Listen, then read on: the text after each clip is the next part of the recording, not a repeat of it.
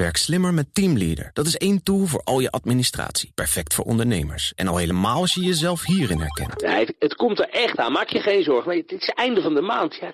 Zorg dat je druk bent met de juiste zaken en kies daarom voor Teamleader. Met CRM-facturatie, planning en offertes in één tool. Meer gedaan, minder gedoe. Dus probeer het nu gratis op teamleader.nl. Iedere woensdag is hier Marcel Beerthuizen van sponsoring adviesbureau Big Plans... om te praten over de ontwikkeling op het terrein van sport en economie. En deze week gaat het over de economie van het voetbal... naar aanleiding van twee recent verschenen rapporten van Deloitte en KPMG.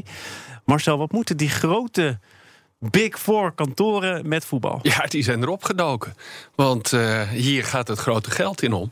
En zij krijgen ook steeds meer aanvragen om adviezen uit te brengen aan allerlei partijen. Aan investeerders, aan clubs zelfs, aan, leagues, uh, mediapartijen natuurlijk. Dus zij willen laten zien dat ze daar verstand uh, van hebben. En, en brengen dus alle gegevens in kaart doen ze op een verschillende manier. Hè? Want KPMG komt met een ander lijstje, Europese kampioenen. Deloitte heeft dan weer ook al een jaarlijks, al langer terugkerend Ja, al 22 keer. KPMG heeft het voor de derde keer gedaan. Die kijken alleen naar de uh, kampioenen in acht voetbalmarkten in, uh, in Nederland. Of in, uh, in Europa natuurlijk. maar dat zijn voor een deel wel dezelfde cijfers hoor. KPMG kijkt ook nog een beetje naar de winst die er wordt gemaakt. Maar ze kijken naar hoe wordt de omzet gehaald? Uh, hoe is dat verdeeld?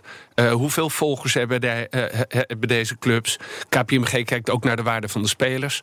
Voor een belangrijk deel komt het wel met elkaar overeen. Ja, en een van de belangrijkere conclusies is volgens mij dat... nou ja, je kunt je stadion maar een paar keer uitverkopen. Dus daar zit een gelimiteerd bedrag op wat je daarmee kunt uh, verdienen. Het zit hem in andere stromen waarmee die clubs echt rijk worden. Ja, dat is nu echt aan het gebeuren. Dus de, de inkomsten, hè, die, die krijgen die clubs eigenlijk uit drie stromen. De ene is natuurlijk mediarechten, de andere is gewoon verkoop van tickets.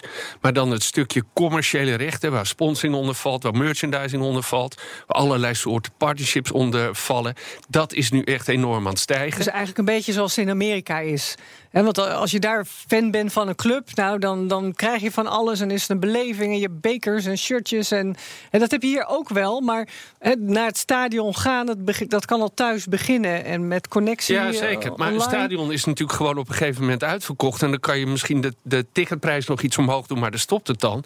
En wat je nu ziet in dat voetbal is dat Um, het gaat niet meer over lokale markten, maar het gaat gewoon over de hele wereld. Dus ze zijn op allerlei manieren, zowel met uh, sponsors waar ze mee en samenwerken, uh, met gaming natuurlijk, maar ook met merchandising, maar ook juist via socia uh, sociale media. Ze, ze proberen die wereld te veroveren. En dat gaat dus de grens over. Um, Um, Deloitte heeft gezien, in totaal gaat er dan bij hun top 20 om 8,3 miljard euro wat erin omgaat. 43 procent komt nog steeds vanuit uh, uh, mediarechten.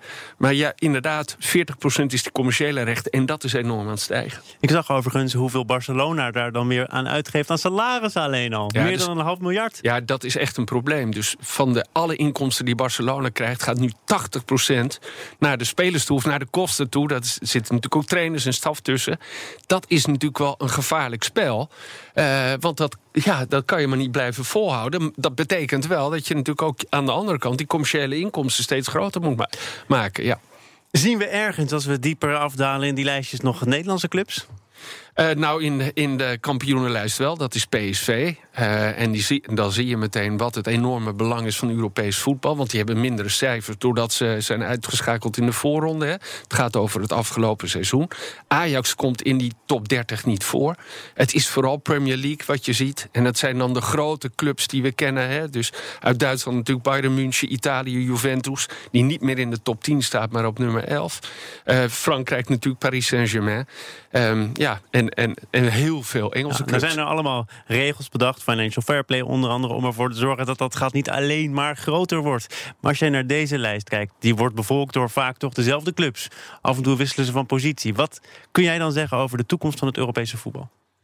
Nou, ik denk dat de polarisatie eigenlijk steeds groter wordt. En, en zeker omdat je ziet dat de inkomsten uit Europees voetbal zo belangrijk zijn. En met name in de Champions League voor een ander model is gekozen. Waarbij de teams uit Italië, Engeland, um, Duitsland.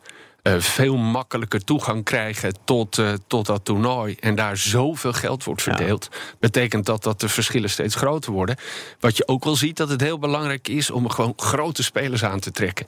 He, want je hebt die social media, dat bereik heb je nodig. Dus Juventus komt denk ik wel weer terug in die top 10. Die hebben Ronaldo gekocht. Dat zal meteen een boost geven. Ook omdat ze daardoor meer commerciële deals kunnen komen. Maar het grote, ja, het grote antwoord, de, de grote conclusie is eigenlijk... ik heb het hier al eens eerder gezegd... de, de rijken worden steeds rijker en de armen worden armer.